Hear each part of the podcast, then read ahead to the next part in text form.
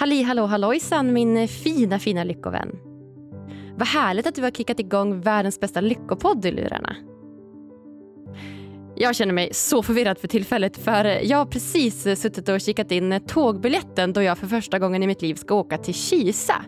Men jag trodde jag skulle åka till Kista. För det är nämligen här jag sitter just nu, i Kista galleria. Så eh, det är helt perfekt. Det är här jag spelar in poddar och tänkte att ja men vadå tåg till Kista? Det är ju inga konstigheter. Men det var visst Kisa jag skulle till. Jag nämligen blev inbjuden till världens bästa Kristoves self-master-kurs i eh, december här nu nästa månad. Kommer ni ihåg Kristove? Han gästade ju podden i avsnitt eh, 211 och pratade då om emotionell kompetens. Jag var helt säker på att han bodde här i, i Stockholm men eh, han bor ju faktiskt utanför Stockholm i Kisa. Och där har han ett eh, hus där han håller kurser då inom emotionell kompetens. Ja, ni som hängt med här ett tag, ni vet ju att eh, jag generellt sett tycker det finns en väldigt stor brist på emotionell kompetens i vårt svenska samhälle idag. Så därför blev jag extra glad för att få komma till just Kristove för att få lära mig mer om det här. Och om du är sugen på att haka på och göra det här med mig, då tycker jag att du ska kika in beskrivningen till det här poddavsnittet. För där finns nämligen en länk till hans kurs i beskrivningen. Ja, emotionell kompetens det är bland det viktigaste, viktigaste, viktigaste som finns och vi kommer också prata om det i det här avsnittet ska ni veta. För idag så gästar grundaren och urfadern av personlig utveckling podden, nämligen Kai Pollak. Han delar med sig av sin långa erfarenhet om hur du uppnår ett lyckligt liv. Kai han var en av de första i Sverige som förstod att du faktiskt kan påverka ditt eget välmående till det bättre. Han är idag en av Sveriges mest rutinerade och populära föreläsare och även också regissör till den Oscarsnominerade succéfilmen Så som i himmelen. I dagens avsnitt så utgår jag och Kai från hans nya bok Ett bättre liv, att förändras en tanke i taget.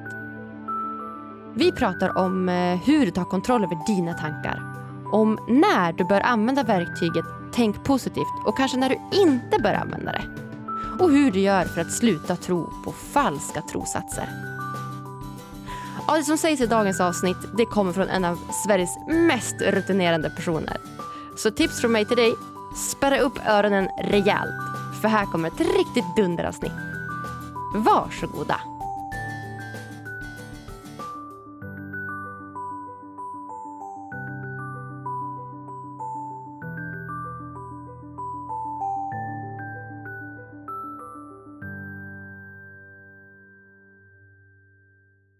All right, då säger jag varmt välkommen till Lyckopodden, mannen, myten, legenden Kai Pollak! Tack ska du ha. Tack ska du ha. Gud, okay. du känns ju som liksom så här, urfadern av liksom så psykisk hälsa och den liksom bland de första som förstod att så här, vi kan ju faktiskt påverka hur vi mår. Ja, det är bra i så fall. för det kan man. För det kan man, eller hur? Ja, det kan man verkligen. Ja, mm. ja men jag tycker det. Liksom när jag, eh, ja, men, jag är ju 30 då, så om jag tänker liksom, i min generation så känns det ju som en av de ja, men du är en av de första liksom, som, som tycker jag började prata om de här sakerna. Att så här, ja, men du kan påverka hur du mår, du kan välja glädje och, och liknande. Det är sant. Ja. Man kan det. Man, Man kan, kan, träna, säger det. Ja. Ibland, ibland får jag frågan, hur blir man lycklig? Och Det enda jag kan säga är ju det att då, du kan träna dig att tänka tankar som gör att du mår bra, fylls av energi, känner glädje. Ja. Eller kan du träna dig att låta bli att tänka tankar som sänker dig och gör att du känner dig nere och olycklig. Mm. Hade du någon liksom förebild, eh, tänker jag, liksom när du var ung och började i den här banan? Nej, jag kan inte säga. Nej. Men jag vet att jag när jag var 20 år så köpte jag en bok, Konsten att bli lycklig. Mm. Och det var onekligen intressant av en 20-åring att köpa den boken. Det var en kines som hade skrivit en ganska tjock bok och den där läste jag. Men sen tog det lite tid innan jag verkligen började bry mig om detta. Ja, just det. Okej, okay, så det var en kines som man kan säga var din första ja, liksom, ja, det var det. Förebild, ja. Mm. Just det. Ja, för det känns som att det var inte så många i Sverige som hade liksom anammat det synsättet. Nu är det ganska vanligt ändå, men, ja, det är det. men jag tänker på din tid. För hur, hur gammal är du nu? Hur jag... ung är du nu med det? det är jättebra. Jag är 84 år. 84 år? Ja. ja. Du är rutinerad och vis. Nej, det, måste man, det måste man fundera på. Ja, hela tiden, varje dag, är det hela tiden nya saker att lära sig. Så är det. Alltså, varje morgon och varje kväll så ligger jag och tänker, det där måste jag förstå. Det där måste jag förstå. Mm. Spännande. Mm. Ja, och kan jag göra det, och nu har jag skrivit den här boken uh, Ett bättre liv, och då tänker jag hela tiden, hur kan jag göra det ännu tydligare? Just det. Tycker du att du har levt ett, ett lyckligt liv hittills? Då? Jag tycker det är ett härligt, otroligt tacksamt liv och mm. spännande liv, alltså omväxlande liv. Mm. Men jag inte, kan säga att jag inte levt ett lyckligt liv hela tiden. Jag har ju otroligt mycket att lära mig och varit nere i olika och period, dåliga perioder och sånt. Nu tycker jag många år jag känner mig närvarande, lycklig, och glad och kraftfull. Mm, Vaknar på morgonen med en ny dag, en ny dag, en ny dag i mitt liv. Dagen, eh, alltså denna tanken är också fantastisk. Mm. Dagen idag är den första dagen på början av det liv som du har kvar. Oh. Det är just, och det gäller dig. Dagen idag oh. är första dagen, pang, på oh. början av det som du har kvar. Och vi vet ingenting om eh, imorgon. Nej. Så är det fantastiskt, att det är nu som vi har. Mm. Ja, men det är så himla rätt i. Du har så himla himla rätt i. Det är så kul. Och där kommer, alltså, klarar vi det, det är ju, det är ju en träning att vara pang i nuet hela tiden. Ja. Ja, det är verkligen en träning. Det är verkligen en träning ja, som du säger. Som du säger, att livet går upp och ner och du är olycklig emellanåt och det händer mm. saker och yttre omständigheter som är svåra att påverka. Och, ja, men du vet, det är mycket som, som kan hända. Och, om vi ser framåt, då, har du någon liksom bucket list på saker som du vill göra här framöver? Liksom? Nej, det har jag inte. Nej. Ingenting. Nej. Alltså, jag vill inte åka någonstans. Jag har rest färdigt. Ja. Jag mår jättebra där det är. Man har inget särskilt att göra. Nej. Hur ser en klassisk kajdag ut? Då? Vad gör du på dagarna? Ja, jag går upp och gör gymnastik. Mm. Det tar ungefär 20-25 minuter. Och sen äter jag min gröt. Och sen börjar mitt arbetsdag. Mm. Om inte jag ska åka någonstans, till exempel möta dig, så, mm. så jobbar jag. jag. Svarar på mejl och sen jobbar jag mycket med olika texter för att förstå. Jag, menar, jag har ju en ny föreläsning nu på exempelvis i Örebro. Hur kan jag förtydliga den saken så att den verkligen blir begriplig? Det är mitt, eh, min arbetsdag. Så du jobbar och står i här trots att du är 80 plus. Det är inte bara ligga på stranden utan du... det är det roligaste. Visst? Det är roligaste jag kan göra. Ja. Jag upplever inte att jag jobbar och står i. jag mår jättebra i det jag gör. Vad fint. Ja, det är fint. Det är målet någonstans. Att, att jobbet ska inte bara kännas som ett jobb, utan det ska ju vara något som man faktiskt vill och brinner för och som ger en mening ja. hela ja. livet ut. Liksom. Det är naturligtvis helt otroligt. Alltså, gör det som du älskar att göra. Ja. Mm. Så himla kul Kai.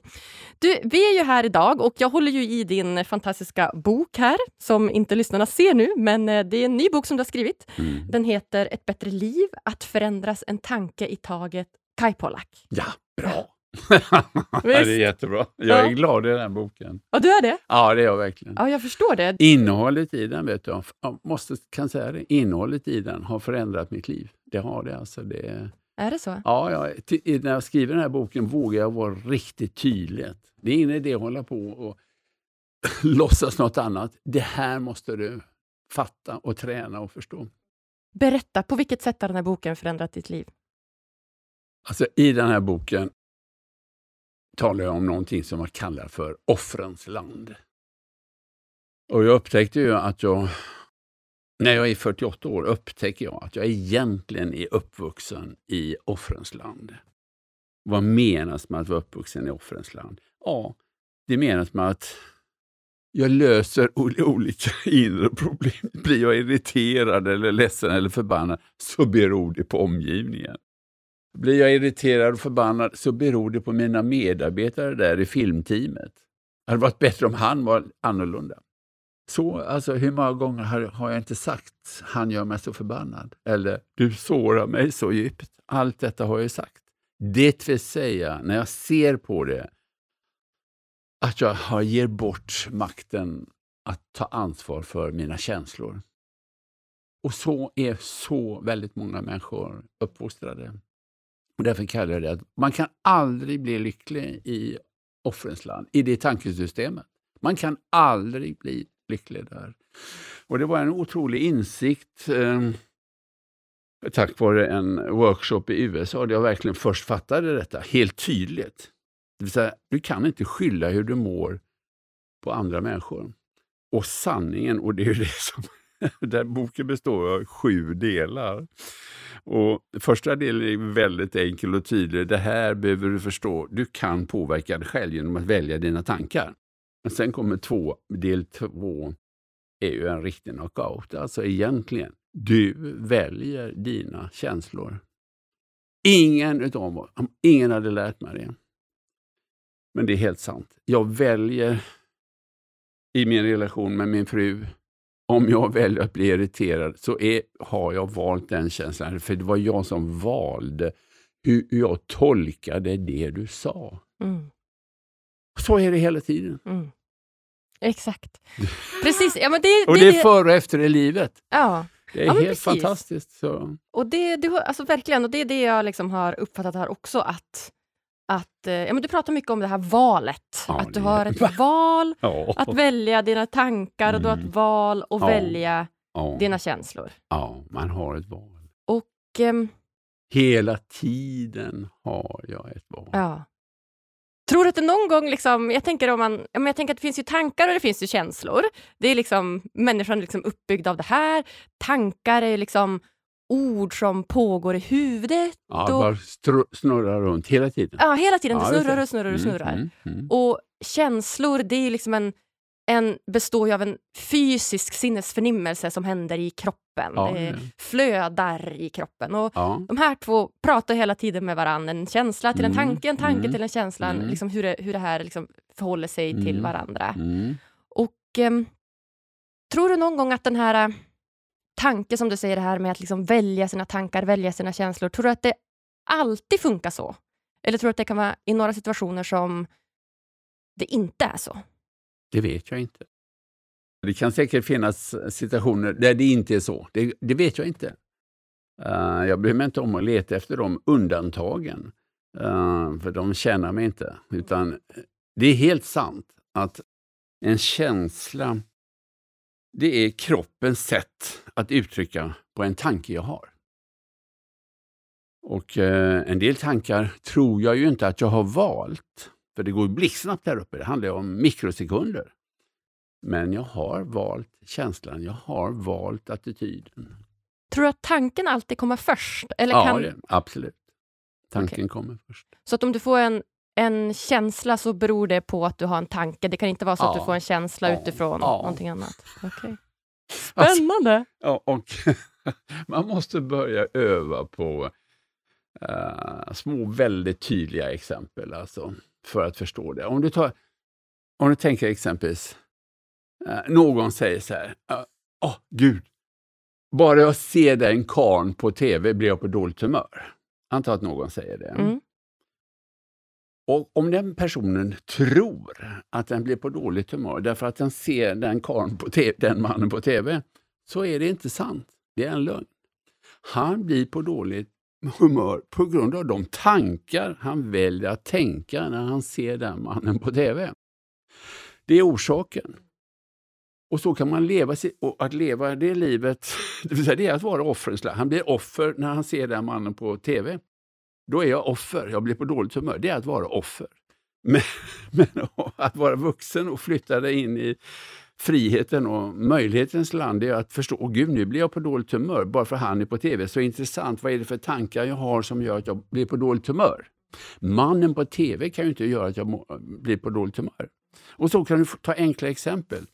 En annan människa säger kanske, Ja, det regnar ute hela tiden. Va? Det regnar hela tiden. Hela dagen. Det bara Och den säger oh, jag blir så låg och nere för det regnar. Regnet kan inte göra en människa låg och nere. Utan det är det jag väljer att tänka om att det regnar. som gör att jag blir... Det är eh, de negativa tankarna om regnet som gör att jag blir någon, i, en, någon nere. En annan person kan ju tänka istället, gud vad glad jag är att det regnar. Grundvattennivån behöver höj, höjas. Det är ja. helt otroligt, jätteviktigt. Regna mer. Jag blir glad om det regnar imorgon också. Allt kommer ur mina tankar. Snyggt, bra exempel. Och jag tänker att jag ska läsa upp en, en, en bit här från ja, din bok, ja, ja. så lyssnarna får, får höra. Och Det här är också egentligen eh, ja, men har kopplat väldigt mycket till det du pratar om nu, att eh, just ja, men välja sina tankar, hur man väljer att se på saker och ting. Och Det är ett väldigt tydligt exempel, tycker jag. Då skriver du så här. Jag väljer min tolkning, heter den här, det här kapitlet. Och då står det så här. Niklas kommer ut i fikarummet på jobbet. Nu börjar du skratta, vet du vad, du vet jo, vad det är? Jo, jo, ja. det är enkelt och bra exempel. Eller hur? Ja, Vi kör det så att lyssnarna... Läs, ja. läs Niklas kommer ut i fikarummet på jobbet och ser att någon har tagit sista kaffepaketet. Han tänker direkt, 17 också. Varför är det alltid jag som måste gå och hämta nytt kaffe? Ska det vara så förbannat svårt för den som tar sista kaffet att gå och hämta nytt? Han blir irriterad, suckar och smäller i skåpluckorna. Han tar en kopp varmt vatten, en tepåse och går och sätter sig demonstrativt sur vid sitt skrivbord. Den här tolkningen av situationen skapar inga goda känslor. Niklas spelar tydligt ut att han är ett offer för de andra latmaskarna inom situationstecken. Ja, han väljer att bo i offrens land. Exakt. Mm. Okay. Det är så Niklas önskar se situationen. Niklas väljer olycka. Det är den värld han önskar leva sitt liv ja, i. Och Det är ett väldigt fint stycke tycker jag och det förklarar ja, ju verkligen mm, liksom, tankens kraft. Ja, är det. Och på en annan sida, på 138, Ah, vad spännande. Ja, ja. Så har du sett hur mycket hörn jag har vikt här, Kaj? Alltså, jag har ju vikt jag hörn här i hela boken. Prata. Ja. Det är roligt att höra. Eh, det är sida, eh, sida 38. Där har du skrivit, eller där heter rubriken Ett lyckligt minne. Ja, bra. bra. Och den tycker jag var himla spännande för att där tar du upp lite rent statistiskt sett vad som, vad som händer eh, och då om, om beroende på vilka tankar liksom vi primas med. Ja. Och då har du skrivit en undersökning gjordes på högskolestudenter. Ja. De delades in i två grupper. Båda grupperna skulle göra ett test där de skulle lösa en massa uppgifter skriftligt.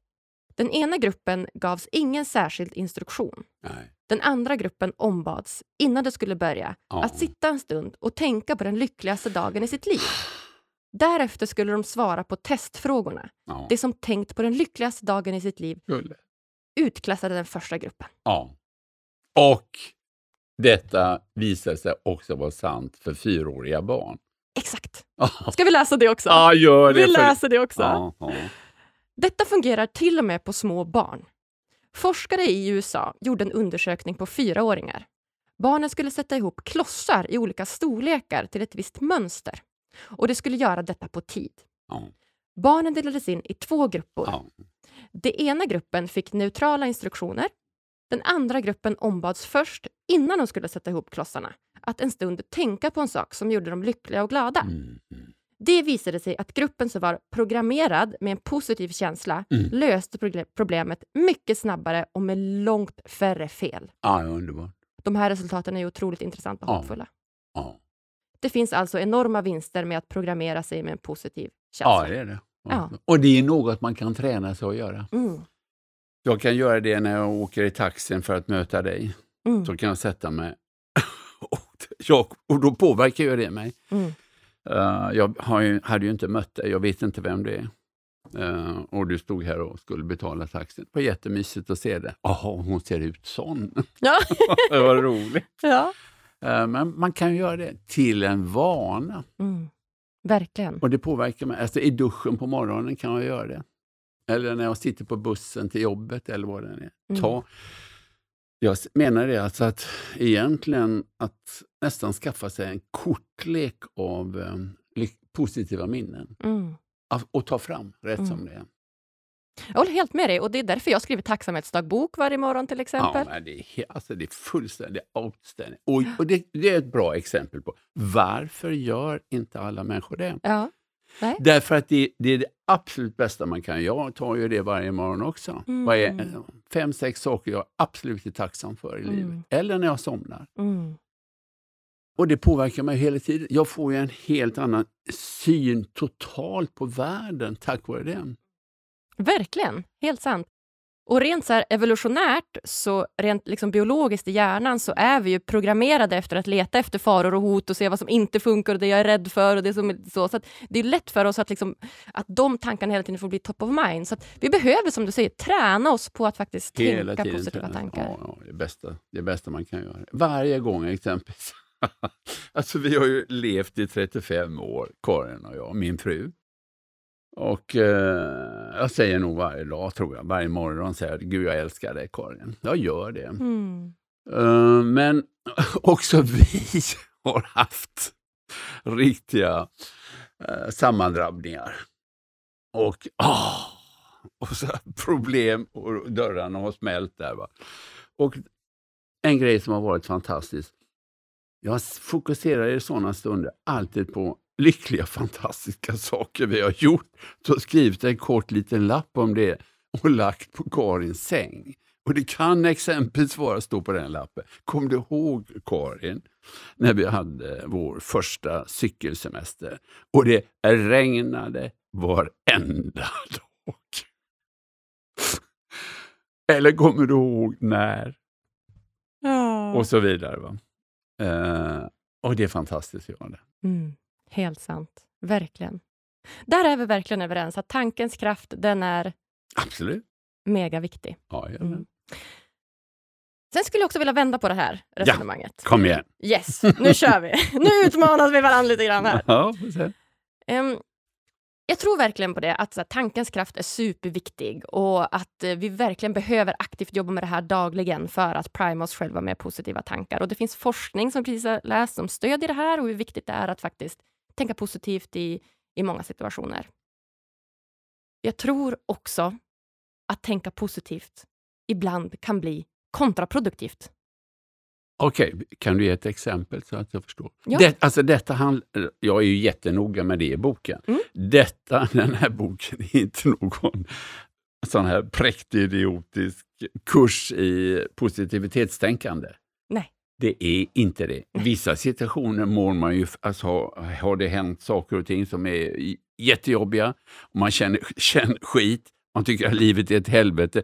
Naturligtvis ska man inte då ändra, nu ska jag ändra hur jag känner och mår. Inte ett dugg. Ingenting är till för att förneka det du känner. Det är jätteviktigt att du säger, för ja. det, man kan ju slå bort detta genom att, aha, jag kan inte ändra hur det är. Jag har ett helvete på jobbet. Eller min relation är kass, han är bara helt hopplös. Exakt. Jag väljer att lida varje dag, och tio ja. år efter år. Och du skriver ju om det också här i boken faktiskt. Ja. Du skriver ju på sida 58 skriver offer eller inte offer, heter ett kapitel ja. här. Ja. Och Det här tycker jag också är väldigt viktigt att eh, poängtera, för här kommer väldigt mycket ödmjukhet in, tycker jag också, över just tanken och, och känslans kraft. Och eh, där skriver du att det är helt naturligt att ha olyckliga känslor eller känna sorg i vissa situationer. En relation har brustit, man känner sorg och saknad, någon har dött, sorgen är enorm och behöver genomlevas. Absolut. Inget handlar om att förneka sina känslor. Bra. Här skriver jag om vardagssituationer där vi många gånger vanemässigt reagerar med att känna oss störda, irriterade och olyckliga. Ja. Mm. Det här tycker jag också är väldigt viktigt att ta upp, för att det är det mm. som jag tänker kan bli lite kontraproduktivt ibland, det här när man, om man liksom känner en väldigt stark känsla, att vet, försöka då slå bort den med att tänka positivt. Nej, att, det, handlar inte om Nej, det. precis. Nej, det Så att det tycker jag också var väldigt viktigt att, att ta upp mm, jättebra här. Jättebra att du säger. För, men det, alltså, ja? men det, ja, det finns ett citat, alltså, om du tänker dig, jag, jag nämner Nelson Mandela, citat av Nelson Mandela på två ställen. Okej, Nelson Mandela sitter i fängelse på en ö, Robin Island, i 27 år. Han kommer ut utan bitterhet. Varför? Hur kommer det sig att han kommer ut? Utan han kommer helt bara ler när de öppnar dörrarna, äh, grinsan, grindarna. De arbetade med sina tankar. de åren blev vårt universitet, skriver han om i eh, sin självbiografi. Han och hans medfångar fick jobba med sina tankar. Och Han skriver en grej där va, som jag vet att när jag har hamnat där i ner i botten. Jag kan också hamna, bli helt olycklig, bli jätteledsen och, och skit vad jobbigt det är. Han skriver där. Det finns ingen situation som är så hemsk att du inte kan välja att tänka en tanke som gör att du mår något lite bättre. Mm. Och tänker man på det en stund så, så är det ju helt sant. Mm. Det Verkligen. finns ingen situation som är så hemsk. Nej. Att du inte kan något. Mm. välja att tänka en tanke som gör att du mår något lite bättre. Och den, den har hjälpt mig jättemånga gånger. Ja. Ja, men verkligen, jag håller helt med dig. Det, finns, det går ju alltid att se någonting ja, lite bra ja, med en situation. Absolut. Det går ju faktiskt. Ja, det gör det. Så det är ett väldigt tydligt exempel på att det faktiskt funkar.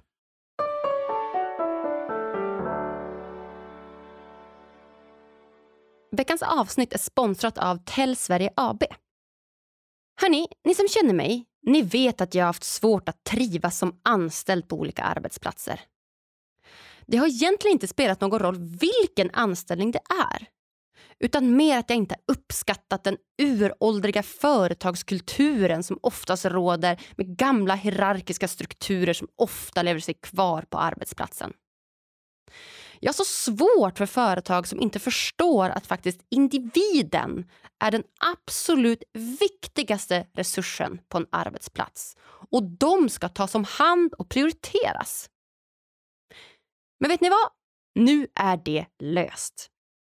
Världens bästa IT-företag, Tell Sverige AB, är ett framgångsrikt och expanderande bolag med visionen om att bli Sveriges mest framtida arbetsplats. Alltså, hur coolt är inte det? Vilket mål! Alla ska vilja vara anställd på Tell och alla ska vilja vara kunder hos dem. Och ja, vad innebär nu det då? Jo, alla beslut som Tell tar, de tas med syftet mot att bli Sveriges mest framtida arbetsplats. Alla beslut de tar gör de med sina anställdas hälsa och välmående i första hand. Alla beslut som tas gör de med fokus på att kunna leverera bästa möjliga service till sina kunder.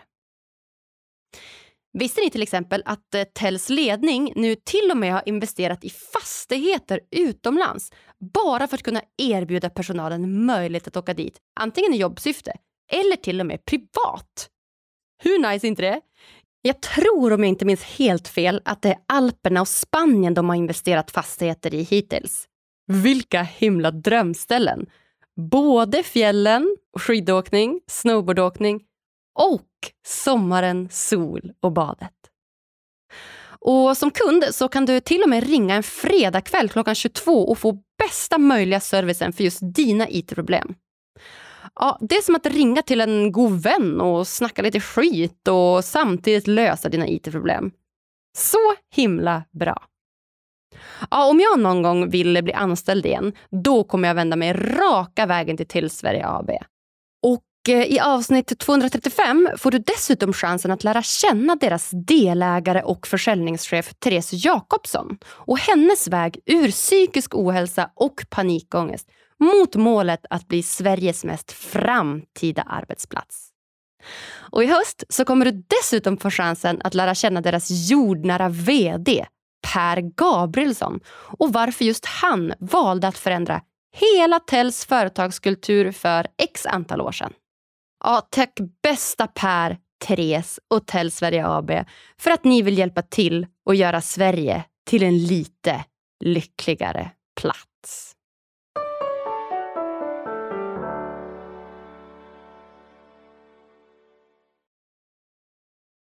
Det som jag skulle vilja motsätta sig, ja. eller om jag är liksom lite djävulens advokat, eller ja, något som jag tycker är viktigt igen. att, Det är jättebra att, att du är det, ja. tycker jag. Ja, men så bra. För något som också är viktigt att ta upp i den här situationen, det är att jag tror att den här jag håller verkligen med dig, som sagt, det behöver jag inte säga igen, jag håller med dig om det du säger. Men jag tror också att i vissa situationer är det här lite för grunt. Okej. Okay. Vad är det som är för grunt?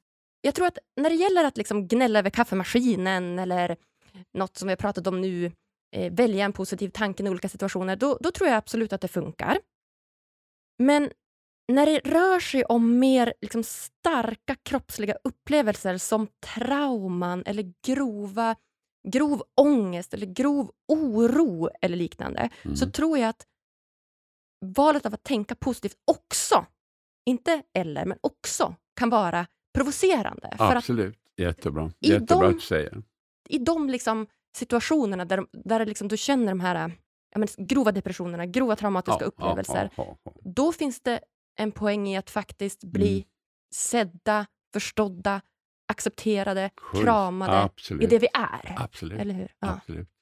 Man kan skriva många kapitel som, som, inte, oh. som borde vara med i boken. Ja. Därför att, uh, men, uh, det finns ju människor som lider faktiskt av periodvis ångest. Mm.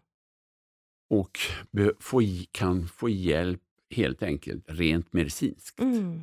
Mm. Och bli befriade tack vare rent äh, piller helt enkelt. Och det är fantastiskt. Och det är helt fantastiskt. Boken vänder sig inte till dem. Det mm. handlar inte om dem. Nej. Det handlar om när jag väljer att göra mig själv olycklig mitt här i vardagen. Ja. Exakt. Uh, sitter och retar mig för att, låt oss säga, taxin kom inte, den skulle möta mig 20 i 10. Taxin kom inte 20 i 10. Då kan om jag då väljer att stå där och sen i taxin hit sitter och retar mig på taxichauffören, det är att göra sig själv olycklig. Ja. Fullständigt. 100 procent. Det andra exemplet du hade är det om någon har traumatiska upplevelser som människor har. Mm. Otroligt starka mm. traumatiska mm. upplevelser. Då är det inte bara att läsa den här boken och sen är allt färdigt. Det är det inte. Det finns mycket man kan göra för att bearbeta sina traumatiska upplevelser.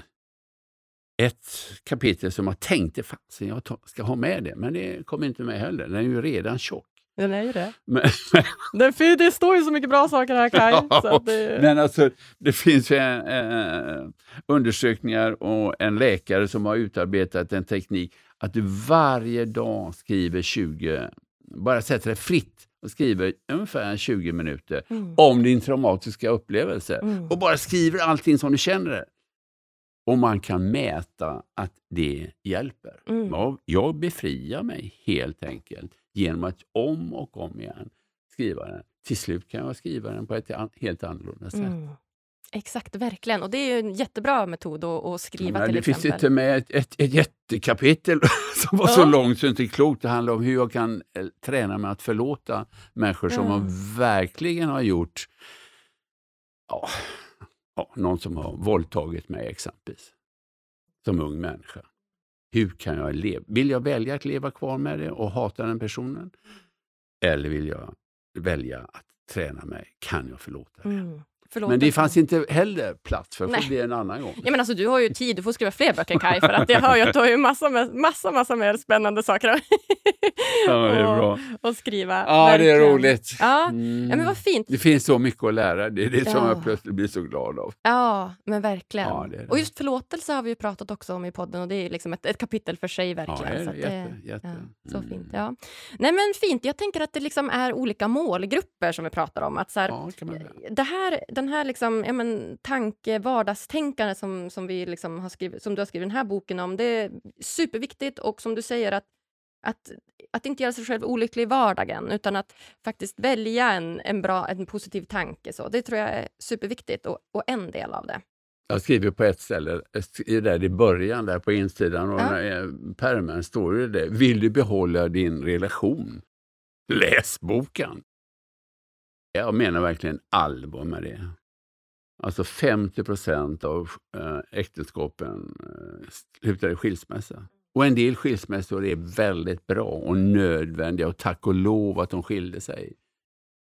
Men tänk om det är så att det fanns en möjlighet att träna hur jag valde att tänka. Ska vi läsa den också? ja, ja, kan du göra. det är så fint. Det, det, här är ju då i liksom första sidan, eller vad ska jag säga, liksom mm. en en flik. En flik i boken som man kan använda och liksom sätta så här så man mm. vet vart man är i boken. Men vi läser fliken här, för det, var, det är bland det första jag läste. Ja. Till alla som vill leva lyckliga men inte klarar det. Ja, jättebra. Till alla som är lyckliga då och då men vill vara det oftare. Ja. Till alla som inte vågar tro att det är något. Den är bra. Till alla som vill känna att det är okej okay och helt unika. Till alla som vill må bättre när de vaknar på morgonen. Till alla som somnar olyckliga. Ja. Till alla som längtar efter att uppleva kärlek. Ja. Till alla som har en relation och vill behålla den. Oh till alla som vill sluta vara offer för andra. Till alla som drömmer om ett bättre sätt att leva.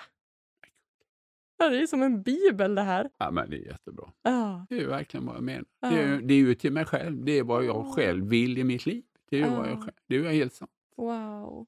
Ja, jag blir jätteberörd när du läser det, för det är ju exakt vad jag vill. Det är ungefär, jag tänker direkt på Gabriellas sång mm. i filmen Så som himlens. När hon sjunger Uh, det är livet uh, som är mitt.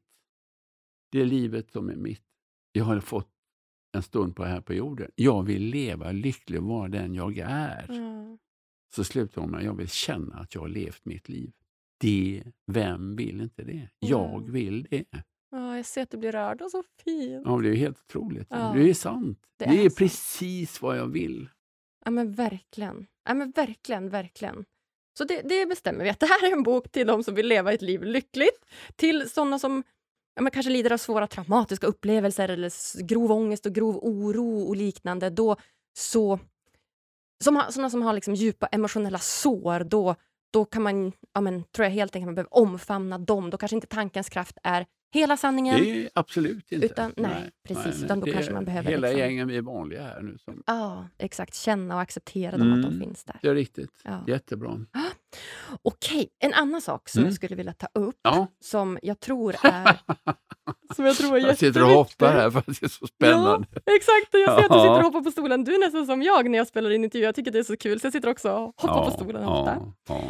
Men en sak som jag tror att eh, gemene man i Sverige lider väldigt ofta av, det är att man tror på det man tänker, som inte alltid behöver vara sant. Eller hur? Ja, det är helt fantastiskt. Och då här i slutet av boken, jag ska se, det här är, nu är vi på 216, så 217, där har du skrivit om trossatser.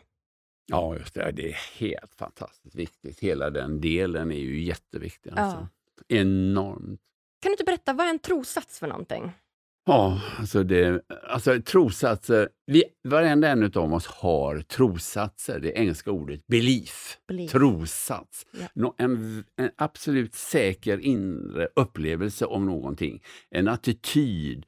Uh, typ män är svekfulla. Det är en trossats. Kvinnor det och det. Men jag hade exempel, jag tar ju mig själv som exempel. Jag hade en trossats som väldigt många människor känner igen. Och det upptäckte jag ju på den där workshopen i USA som bara handlade om trossatser. Det vill säga jag hade en trossats som sa I am not good enough. Jag är inte helt okej okay som är. Jag är inte okej. Okay. Jag duger inte. Jag duger inte, jag är inte bra som är. Och det upptäckte jag när jag var 48 år. Det är ju inte klokt! Och, och det vill säga, då har jag gjort eh, filmer och fått priser och allt möjligt. Men djupast inne i Kai fanns trossatsen du är inte helt okej okay som mm. det är. Du duger inte. Och det visade sig, och låt oss säga det var 300 människor på den här workshopen. Det var ungefär 70 procent hade ju den trossatsen. Satt i Kai när han är ungefär mellan 0 och 7 år. Mm. Sattes den ju. Mm. Våra trossatser sattes i huvudet på oss och ärvdes av våra föräldrar ja. på olika sätt. Ja. Och första insikten är ju att förstå den trossatsen är inte sann. Exakt. Det är det som är så... Men, ja, men jag har ju levt med den hela mitt liv. Ja, men jag är nog inte helt okej okay i alla fall. Men plötsligt så kan, får jag hjälp att... Men herregud, den är ju inte sann. Det är inget barn som föddes med tanken jag är inte helt okej okay som jag är. Exakt. Och som du som tjej, det finns ju ingen flicka på planeten som föds med tanken som, ja, som kvinna är jag mindre värd än pojkar. Exakt. Det är ju inte klokt. Det, inte det, förlägg, det sätts ju på henne av kulturen. Ja. Det är en trossats. Ja. De är inte sanna. Nej. Den enda som kan ändra den är jag själv. Ja. Och, när, och när, på den där workshopen blev det också väldigt tydligt för mig. De var väldigt skickliga att förklara. Det vill säga, om jag går omkring och lever med trossats, jag är inte helt okej okay som jag är. En sådan tanke är en attack mm. mot mig själv. Mm. Och jag inser, herregud, det är sant. Mm. Hela mitt, jag vågar inte riktigt göra det och det, jag håller mig lite undan då och då allt möjligt. Det är sant. Mm. Det vill säga, en sådan trosats är en attack mot mig själv och ingen än jag kan ändra den. Och det finns en möjlighet att lära sig att ändra den. Och I den här boken så är det tydliga exempel på hur jag kan träna mig att ändra mina trossatser. Mm. En annan trossats är ju, som också är en tragedi att kunna leva med. Om du tänker att någon har vuxit upp i en familj som har varit kärlekslös, så får ett barn kanske en trossats, jag är inte värd att bli älskad. Eller trossatser. jag är inte värd att bli bemött med respekt. Det är en otrolig katastrof för en människa att leva med den trossatsen. Varje människa är ju värd att bli älskad. Men de trossatserna går att ändra. Och eh, det är därför det finns ett kapitel som heter Den ultimata förändringen. Det är ett exempel där jag får en möjlighet att eh, byta en negativ och bromsande trossats jag har i mitt liv till att ändra den till en trossats som hjälper mig och skickar mig framåt och ger mig energi. Verkligen, alltså det håller jag helt med dig om. Och det här tror jag verkligen är något, något ja, för lyssnarna att ta med sig. att de är inte sanna. Och Det som är så fint i den här boken är att du har ju, du har ju radat upp här massa exempel på trossatser som skapar ja. olycka och trossatser som skapar lycka. Ja, så, så är det. Jag tänker att jag kan ju läsa upp några av dem här ja, också. gör det. Det är ja. jättespännande. Så, så, kan man, så kan lyssnarna men förstå lite grann vad, mm. vad mm. som liknar en trossats som skapar olycka, ja, liksom, som pågår jättebra. i deras egna huvud och hur man skulle kunna byta ut dem. Fint. Trossatser som skapar olycka, det kan vara till exempel då du duger inte som du är. Ja. Precis det vi pratade om. Livet är en kamp. Eller allt hänger på mig. Och kärlek varar inte livet ut. Och det är sån jag är, jag kan inte ändra mig. Och jag är inte värd att bli älskad. Eller jag blir bara älskad om jag gör det andra människor vill. Och andra människor stöter bort mig. Och livet är hårt och orättvist. Världen är full av våld. Jag är värdelös. Jag är inte bra nog. Jag duger inte. Det är liksom några exempel här och man, man märker bara hur tung stämning det blir här inne. Tycker du inte det? Alltså jag känner bara, jag blir olycklig direkt. Nu måste vi öppna fönstret, exakt. Släppa in alltså, lite sol. Ja, exakt. Och förstår du att gå och tänka de här tankarna Nu ska vi känna på dem. Det är så här, vad du kommer i närheten av, en trossats skapar en känsla. Ja. Jag skriver särskilt om det i ett kapitel. Mm. Det är så intressant att mm. leva med trossatsen jag duger inte, jag är inte bra som jag är. Mm. Det skapar ju en, en hel... Bara en, vakna med den morgonen, ja. trossatsen. Och den är inte sann! Den är inte sann! Den är inte sann! så underbart att möta det, att de har fattat det. För det, är helt, och det var ju en aha-upplevelse i mitt liv. Ja, jag när jag upptäckte det. det. hur jag kunde ändra de ja. här trossatserna. Det är helt underbart. Ja. Jag hade för övrigt alla de tre som du läste upp först, jag menar, jag är inte, helt, jag är inte okej okay som jag är. Mm. Livet är kamp. Mm. Fan, allting ska gälla att kämpa hela tiden. Ja. Och den tredje grejen, allt hänger på mig. Ja, exakt. Och det är väldigt väl eh, forskat om detta. Ledare och mellanchefer som har trossatserna, jag är inte helt okej okay som jag är. Uh, livet är kamp, allt hänger på mig. De går alltid i väggen. Ja. De bränner ut sig. Mm.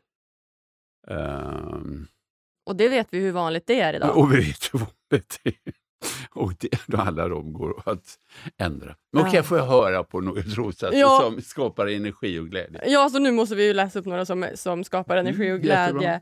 För det där var ju alldeles för tungt. Trossatser som skapar lycka. Jag är okej okay och jag är bra som jag är. Jag är alltid värd att bli behandlad med respekt. Ja, underbart.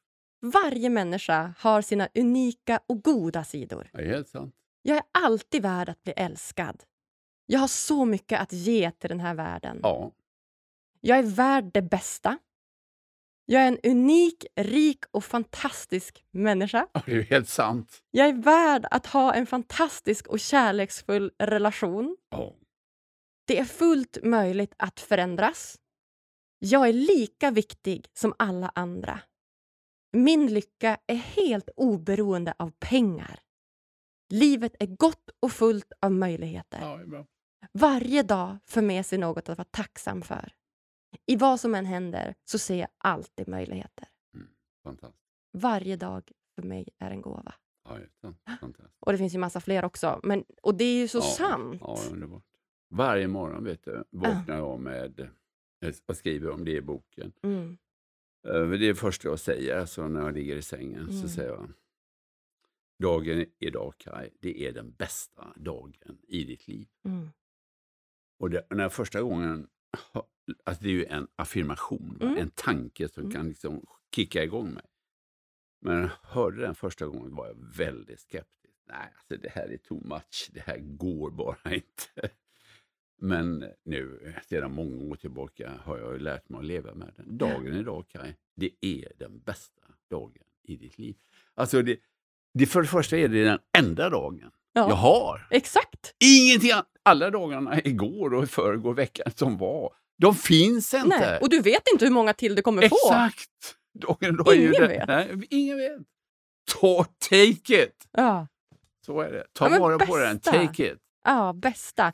Och Du skriver här också eh, på en sida senare, här 221, att, att ändra sitt undermedvetna. Och Det tycker jag är viktigt, för att det handlar någonstans om det undermedvetna. Ja, ja, du är inte riktigt alltid medveten. Liksom, att så här, Åh, jag går och tänker så olyckliga tankar. så, utan så Man måste verkligen liksom ifrågasätta sanningen i sin trosats, ja, skriver det här. Och det, det tycker jag är jätte, jättebra. Så jag tycker lyssnarna kan skriva ner de här trossatserna som skapar lycka, som vi pratade om, och, och använda dem och hjälpa till, låta dem hjälpa dig i, i vardagen helt ja. enkelt. Mm. Så himla fint Kai, vad, vad kul och vad, vad fint! Jag tycker det är superkul att du är här. Det känns verkligen som att du kommer med jättemycket positiv känsla och energi. Du är bara helt otroligt. Du är så gullig så det är jättefint. Nej men wow, tack detsamma. Tack detsamma. Ja. Jag tänker att innan vi går in på de sista frågorna du och jag, så skulle jag vilja läsa upp sidan 248 i din bok. För det tror jag också är Spännande. någonting. 248, ja. det är långt bak. Där. Det är långt bak. Det är slutet här någonstans. Ja. 248 här. Spännande. Det här, ja, och det här, det här tilltalade mig mycket och det är också så konkreta saker som, som lyssnarna kan ta till sig och det tycker jag känns viktigt.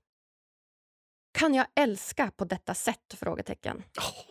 Ja, rubriken. De sju grejerna där. Ja, va? Alltså, de är... Okej, okay, läs dem för ja. På en kurs för många år sedan med en engelsk kvinna, Elaine Caddy, antecknar jag följande sju frågor. Ja.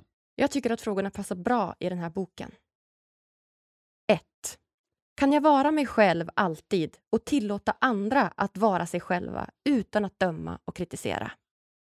Kan jag älska och älska och fortsätta att älska och inte begära någonting tillbaka? Det var tvåan. Där. Mm. Det var mm. tvåan. Tre. Kan jag älska någon med samma djup och samma styrka när vi är tillsammans som när vi, som när vi är åtskilda? 4. Kan jag fortsätta att älska någon även om han eller hon har sagt eller gjort något jag inte gillar? 5. Kan jag älska någon så mycket att jag är villig att låta henne eller honom gå, växa och utvecklas på egen hand? 6. Kan jag älska någon så mycket att jag låter bli att hjälpa henne eller honom? För om jag fortsätter att göra det så kommer jag hålla tillbaka han eller hennes eget växande. Och så kommer den allra svåraste. Kommer nu. Exakt. Ja, Sju. Kan jag älska någon så mycket att jag kan se henne eller honom lämna mig för någon annan utan att hysa någon bitterhet eller svartsjuka? Va? Ja, du tittar på den sista, för ja. då kommer man ju i närheten av någonting som är helt fantastiskt att ja. egentligen inse. Hur kan jag veta vad som är bäst för den andra människan? Ja. Det vet jag inte. Nej. Ingen. Jag vet aldrig vad som är det bästa för dig. Nej. Det säger jag, särskilt kapitel i boken. Jag har sagt till alla mina barn. Kom ihåg, jag vet aldrig vad som är bäst för dig. Ingen annan människa kan någonsin veta vad som är bäst för dig. Nej. Så om du möter någon som säger att jag vet vad som är bäst för dig, mm. så akta dig väldigt noga. Ja, exakt. Men den frågan där, den är ju inte lätt. Någon den... man älskar plötsligt bestämmer sig för att lämna. Ja. Det är klart att då känner man. Det känner man. Då känner man ju sorg och, och sorg. Ja. Ja, ja, visst, absolut. Och det... jag, jag berättar ju om en skilsmässa i boken som jag var med om för ja, det är ju 50 år sedan, eller ja, 48 år sedan. Mm. Hur, jobb, hur, hur otroligt eh, jobbigt jag tyckte det var. Mm. För jag ville, vi skulle klara av det. Det fanns mm. barn med. Jag ville att vi skulle klara av det. Mm. Men det gick inte. Nej. Jag gick i terapi. Oh, och det säger terapeuten plötsligt till mig. Okej, okay, du tycker att det här är en jättestor olycka i ditt liv. Men hur kan du veta, Kai, att det verkligen är en olycka i ditt liv? Mm. Och va? Va? Mm, vad menar du? Ja, och vet du vad? Alltså det är helt otroligt. Det visade sig efter ett år att det var det absolut bästa som hänt. Så var det. Det är inte klokt.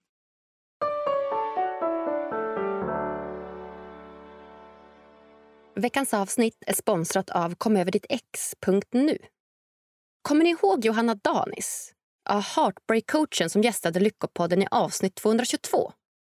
Hennes profession är något jag vill tipsa alla om som gått igenom ett hjärtskärande breakup på slutet. Eller kanske till och med till dig som lever i en kärleksrelation idag men som är för rädd för att ta dig ur den. Johanna hon har helt magiska lyckotips till dig som efter ett uppbrott vill bygga upp din självkänsla igen.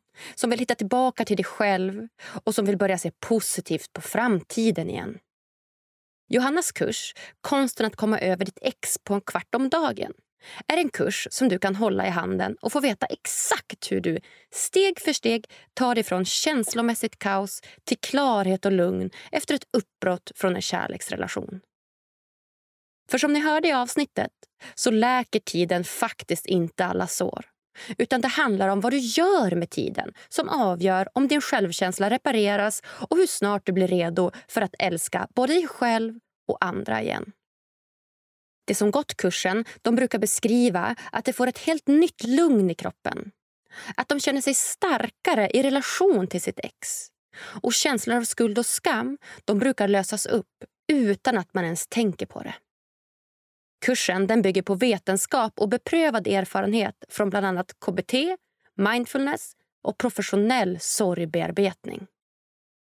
Med hjälp av den senaste forskningen kring motivationspsykologi får du också lära känna dig själv på ett helt nytt sätt. Förbereda dig själv på nya härliga kärleksrelationer och skapa en djupare mening i livet. Du kan gå hela kursen på egen hand hemifrån och starta redan idag eller när du själv känner dig redo. Och Du kan också få personligt stöd av Johanna längs vägen från kaos till klarhet. Och bara för att ni är världens bästa lyssnare så får ni nu hela 1000 kronor rabatt på kursen när du uppger rabattkoden LYCKA i bokningen. För ingen ska behöva gå runt med ett krossat hjärta i onödan. Gå in på www.comoverdittex.nu, alltså O istället för ön, och få tillgång till kursen direkt. Hoppas det ska hjälpa er också. Puss och kram!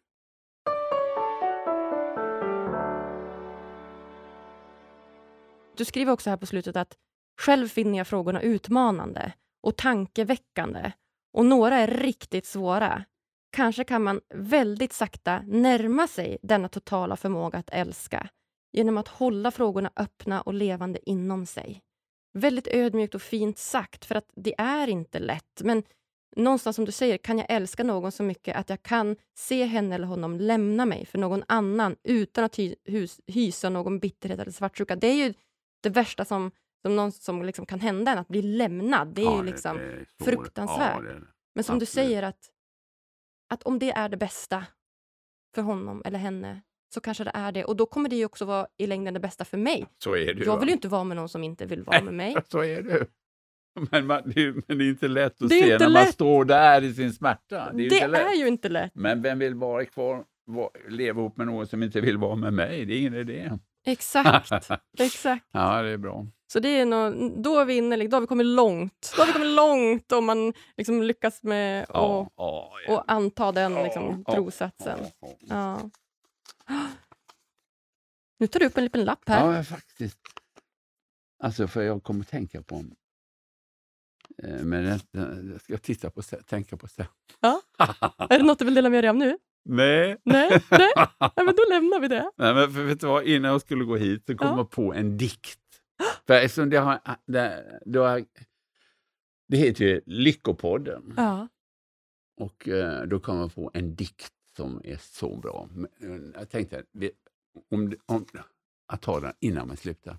Ja, ska vi, ska vi avsluta med den då kanske? Om vi, jag Men du bara... hade fler grejer där som du... Ja, exakt. Jag tänker att det vi, vi, gör, vi gör så här att jag går in på de sista frågorna här som jag brukar ställa alla mina gäster. Och sen avslutningsvis så vill vi höra Lyckopodden-dikten. det är väl en bra upplägg? Ja, det är jättebra. Ja, okay. Den första frågan då som jag har, som jag ställer alla mina gäster, ja. som avslutande fråga, en av dem, det är vad gör dig riktigt lycklig? Alltså det är ju egentligen så enkelt. Att vara helt närvarande är någonting jag älskar att göra. Ja. Det gör mig lycklig. Ja, vackert. Ja, men det är så enkelt. Ja. Jag, menar, jag älskar att prata om de här frågorna exempelvis. Det gör mig lycklig. Ja, mig med. Ja, men det är så enkelt är det. Ja. Men jag älskar att föreläsa. Jag tycker det är viktigt att prata om de här grejerna. Jag älskar det. Jag, ja. Det gör mig lycklig. Wow. Ja, men jag älskar att segla. Det gör mig också uh, lycklig. Göra saker man tycker om och vara ja, närvarande. Absolut. Mm. Två. Vilket är ditt bästa lyckotips? Ja, det är så enkelt. Börja fokusera på saker du helt sant kan känna att du är tacksam för. Mm. Det finns inget annat. Nej, tacksamhet alltså. Ja, det är bara, ändra, en får, det är bara få en att hasa sig upp ur gnäller eh, och, och alltså, olyckliga känslor och allt möjligt finns hela tiden saker du kan känna stor tacksamhet för. Hela ja. tiden.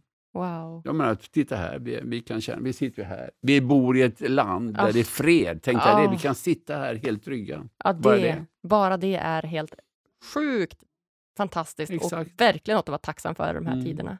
Ja. Jaha, ja, men är det något slutligen som du vill dela med dig av till lyssnarna så här och som du inte har fått säga än? Det finns en dikt som är skriven av en eh, polsk poet, Czeslaw Milosz. Och eh, han fick Nobelpriset. Men den, den läser jag med jämna mellanrum. För de fem, alltså i slutet kommer fem saker som egentligen är definitionen på vad lycka är. Okej. Okay. Först, och den heter, dikten heter Gåvan. Första, dagen, första eh, raden är En dag så full av lycka. Nu läser jag dikten. Kör. En dag så full av lycka. Arbetade i trädgården. Dimman lyfte tidigt. Kolibrierna stod stilla ovanför kaprifolens blom. Det fanns på jorden inte en sak jag ville äga. Jag visste inte någon värd att avundas. Vad ont som hänt hade jag glömt. Skämdes inte för tanken att vara den jag alltid varit. Kände i kroppen ingen smärta. När jag rätade på ryggen såg jag blå hav och vita segel. Och om du som lyssnar vill ha den här dikten så är det mycket enkelt. Du kan skriva in på Google En dag så full av lycka. Där finns den på svenska. Den är ju fantastisk att läsa. Vacker. Alltså, men om du tänker, det fanns på jorden inte en sak jag ville äga. Någon gång har man känt det. Jag står rakt i nuet. Visste inte någon värd att avundas. Vad ont som hänt hade jag glömt. Det var helt underbart. Ah. Skämdes inte för tanken att vara den jag alltid varit, det vill säga den jag föddes till att vara. Mm. Och kände i kroppen ingen smärta. Wow. Ja, den var helt magisk. Mm. Ja, jag säger bara tack, tack, tack snälla, snälla Kai för att du kommer gästa mig här på Lyckopodden! tack ska du ha själv. Jätteroligt att möta dig. Tack ska du ha. Gud vad fint att vi fann varandra så, jag och Kai. Jag var lite orolig över hur min kritik inom situationstecken skulle tas emot. Men det visade sig ju att han bara höll med mig. Och jag håller med honom också. Så fint när samtal slutar med att man eh, faktiskt både förstår varandra och också håller med varandra. Fina kloka Kai. Och du, om du också uppskattade det här avsnittet så hade jag blivit mega glad om du ville gå in på Podcaster-appen i din iPhone eller Android-telefon och ge oss så många stjärnor som du tycker det här avsnittet förtjänar. Lämna jättegärna lite kommentar också om du vill det. Och vill du veta mer om mig och vill du veta mer om mig och få ännu mer lyckotips och inspiration då tycker jag dels att du ska följa vår Instagram, Lyckopodden heter vi där och också lägga till mig i ditt nätverk på LinkedIn. Agnes Sjöström heter jag där. Då lovar jag dig att du inte kommer missa några som helst lyckotips. Vi hörs på tisdag igen. Lyckopuss till dig!